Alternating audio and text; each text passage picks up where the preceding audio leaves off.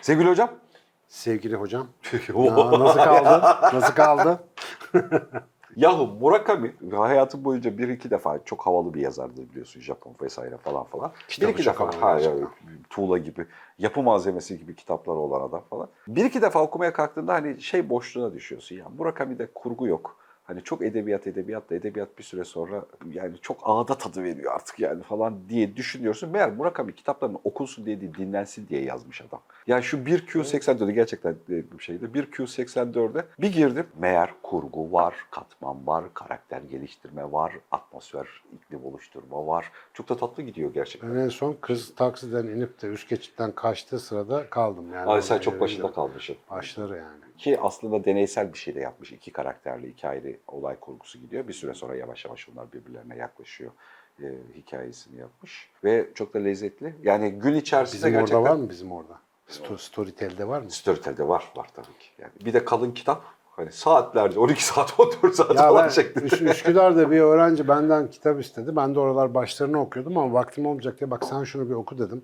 Güzel bir şeye benziyor. Çocuk 4 ay sonra kitabı geri getirdi dedi. Hocam ben bunu okuyamadım dedi. o günden beri o kitap bende duruyor hatta ofisteki kütüphanede. Okunmaya değer. O iyi bir kitabı. Yani kurgusal açıdan da hareketli aslında arka tarafı. Ve bir de bu Japonya'ya hani hep dış bilgiyle bu imajinasyonla algılıyorsun. Kılıçlar bilmem ne falan. Onun aslında alt kültüründe normal şimdi yaşadıkları kültürün ne olduğunu anlamak açısından da lezzetli bir şey var. Çok benziyoruz bu arada Japonlarla.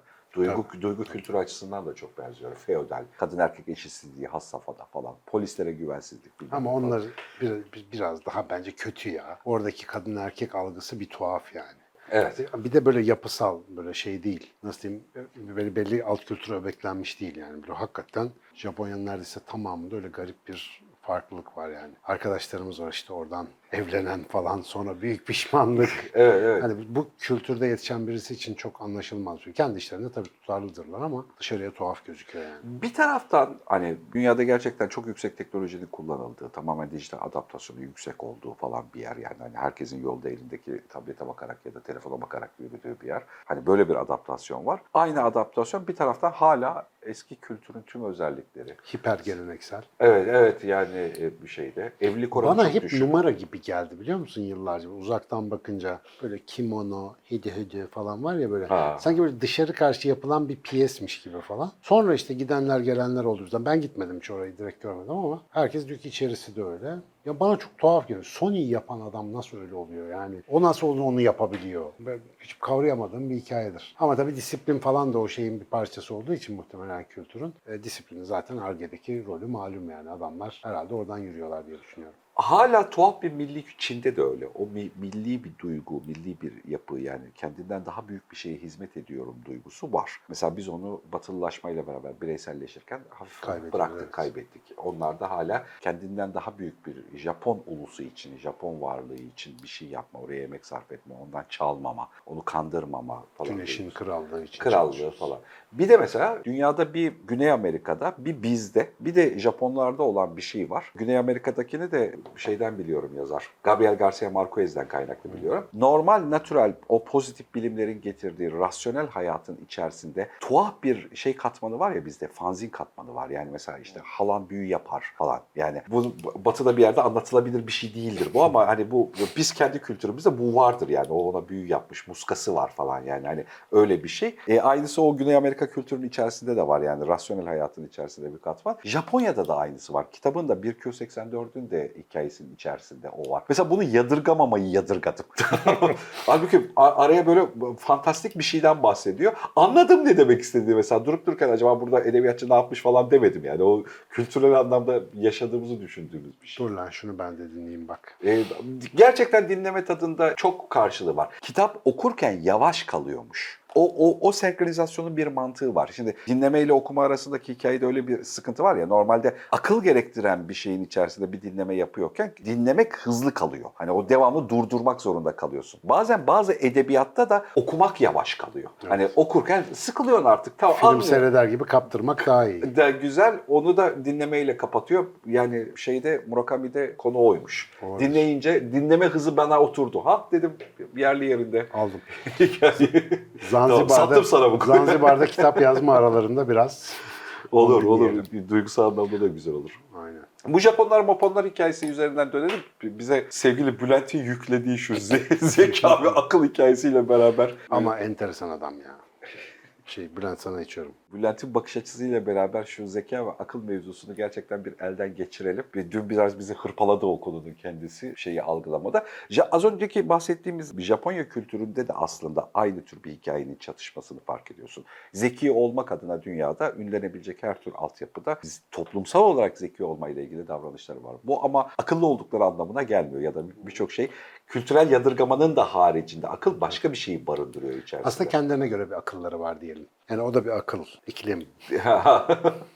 Yani işte onu biraz belki özetlemek lazım biz çünkü bu Bülent Sayız'ın olayı bayağı çiğnedik ama bence o ilk verdiği örnek güzeldi mesela. Yani onun verdiği örnekle doğrudan şey yapacak olursak mesela işte birisi gelip de ya abi bana bir para versene karnım aç dediğinde işte zekan diyor ki yüzde bir oranında doğru söylüyor ama yüzde 99 beni kandırıyor. Dolayısıyla zekana göre hareket edecek olsan bu insana yardımcı olmazsın, para vermezsin. Çünkü yardıma ihtiyacı olmayan birine hatta senden belki fazla parası olan birine destek için para vermek seni aptal durumuna düşürür. Kaynaklarını kötüye kullanmaktır, şudur budur. Verimli değildir yani. Ama öte yandan akıl o yüzde birlik ihtimalin gerçek olması halinde kazanabilecek maddi manevi yani hem prestij hem manevi değer olarak kazanabilecek artıların farkına varabilir. Bu ihtimali çekip çıkarabilir. Bunu kuvvetlendirebilir ve biz mesela akıl sayesinde, akıldaki kurgu sayesinde işte sevaptır, geri çevrilmez falan filan gibi zekaca karşılığı olmayan, analitik olarak absürt ya da saçma olan kodlarla ilerliyoruz. İşte mesela bu davranışları yöneten, zekayı nasıl ne yönde kullanacağını yöneten bir beceri yapıyor aslında aklı. Ve şey tarifi gerçekten hoşuma gitti. Ben bu arada şu ara işte yeni kitabın bunlarla ilgili bölümünü yazıyorum. Bayağı da çiğnemiştim o akıl, zeka, sezgi, işte duygu falan hikayesini. Ama mesela duyguların öfke, korku, nefret, sevgi falan gibi şeylerin ya da işte düşünce, fikir falan gibi hadiselerin hava olaylarına benzetilmesi Bülent tarafından ama aklın iklimi temsil ediyor olması bence çok öğretici bir şeydi gerçekten hani üzerinde düşündü. Bu arada bu muhabbet için de söyleyelim çünkü Bülent de bunu dün konuşurken başta beyan etmişti. Bunlar muhtemelen gerçek tanımları değil.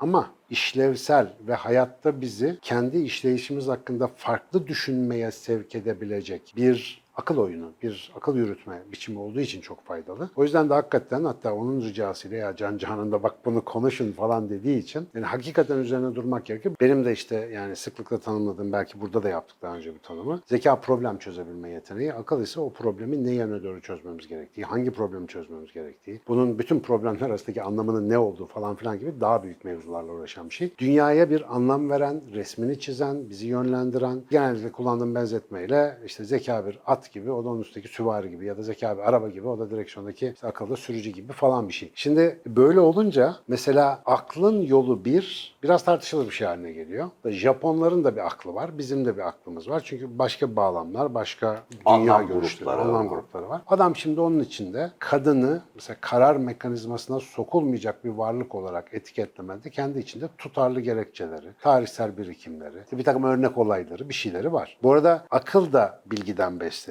Yani bir bilgi biriktiriyorsun, deneyim biriktiriyorsun. Ama tabii her şeyi bilemediğimiz için de o bilgileri yan yana koyup inanç dediğimiz zamplarla bunları birbirine yapıştırıp zihinsel bir kurgu oluşturuyor. Şimdi oranın oluşturduğu akli kurgu başka, buranın oluşturduğu başka. Japonya'ya gitmeye gerek yok. İstanbul'un içinde yeterince gezersen bir gün boyunca e, 13 farklı akıl yürütme yöntemiyle karşılaşabilirsin. Yani burada da farklı farklı ülkeler, farklı farklı kavimler var yani resmen birbirinden neredeyse habersiz yaşıyorlar. Şimdi böyle olunca aklın yolu bir olmuyor aslında. Burada galiba bir dengesizlik oluştuğu için yani Bülent'in de duyar, bu konuyla alakalı duyarlı davranıyor olmasının zemininde de o var. Aslında bizim de bu konuyu doğru bir yerden anlatmayı istememiz ya da değerli bulmamızda da o var. Çok kapital bir yapının içerisinde yaşıyoruz ya. Ve kapitalizm ister istemez o çok ölçülebilir mekaniklerle sabit hedeflenmiş süreçler için ilerlediğim bir şey. Böyle olunca da buraya hizmet eden ana yapın hep zeka ile ilgili oluyor. Yani algoritma önce bu sonra bu sonra, Sonra bu sonra, sonra ve sonuç böyle olur. böyle olur ve böyle olmalı ya da işte bir şeyde. Halbuki öyle olmak zorunda olmayan hayat seçenekleri var ama biz böyle olurları çok öncüllediğimiz bir sistemi tercih ediyoruz. Onun adı da kapitalizm değil. Ya da mesela dün Bülent'in söylediğinden bana ilham olan şu. Hep şöyle yaparsan şöyle olur diyorlar. İçinde bir yer. Ya ama biri var öyle yapmadı ve öyle oldu. Başka bir şey oldu. Bu niye olmasın diyor.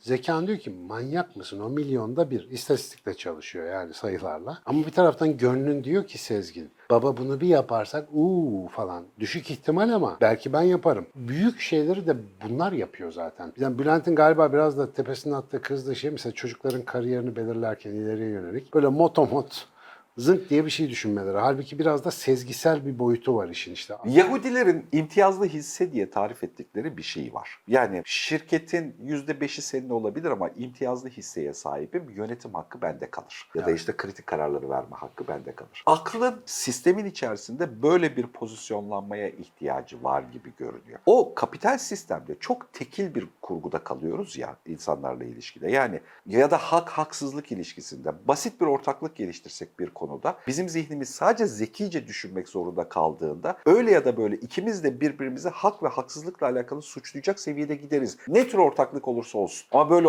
Allah abi senin olsun öyle olmaz. O zaman da bana bilmem ne oluyor. O zaman bunu sen al. Bunu mesela zeka ile bunu temizleyemezsin. Burada bir yerde akli bir şey koyman gerekiyor. Akli bir denge koyman gerekiyor paylaşımla alakalı. Yani aklı kullanmazsak eğer insan ilişkilerinde sağlıklı bir tonda ya da arada kalmanın mümkün olmadığı bir sistemin içinde yaşıyoruz.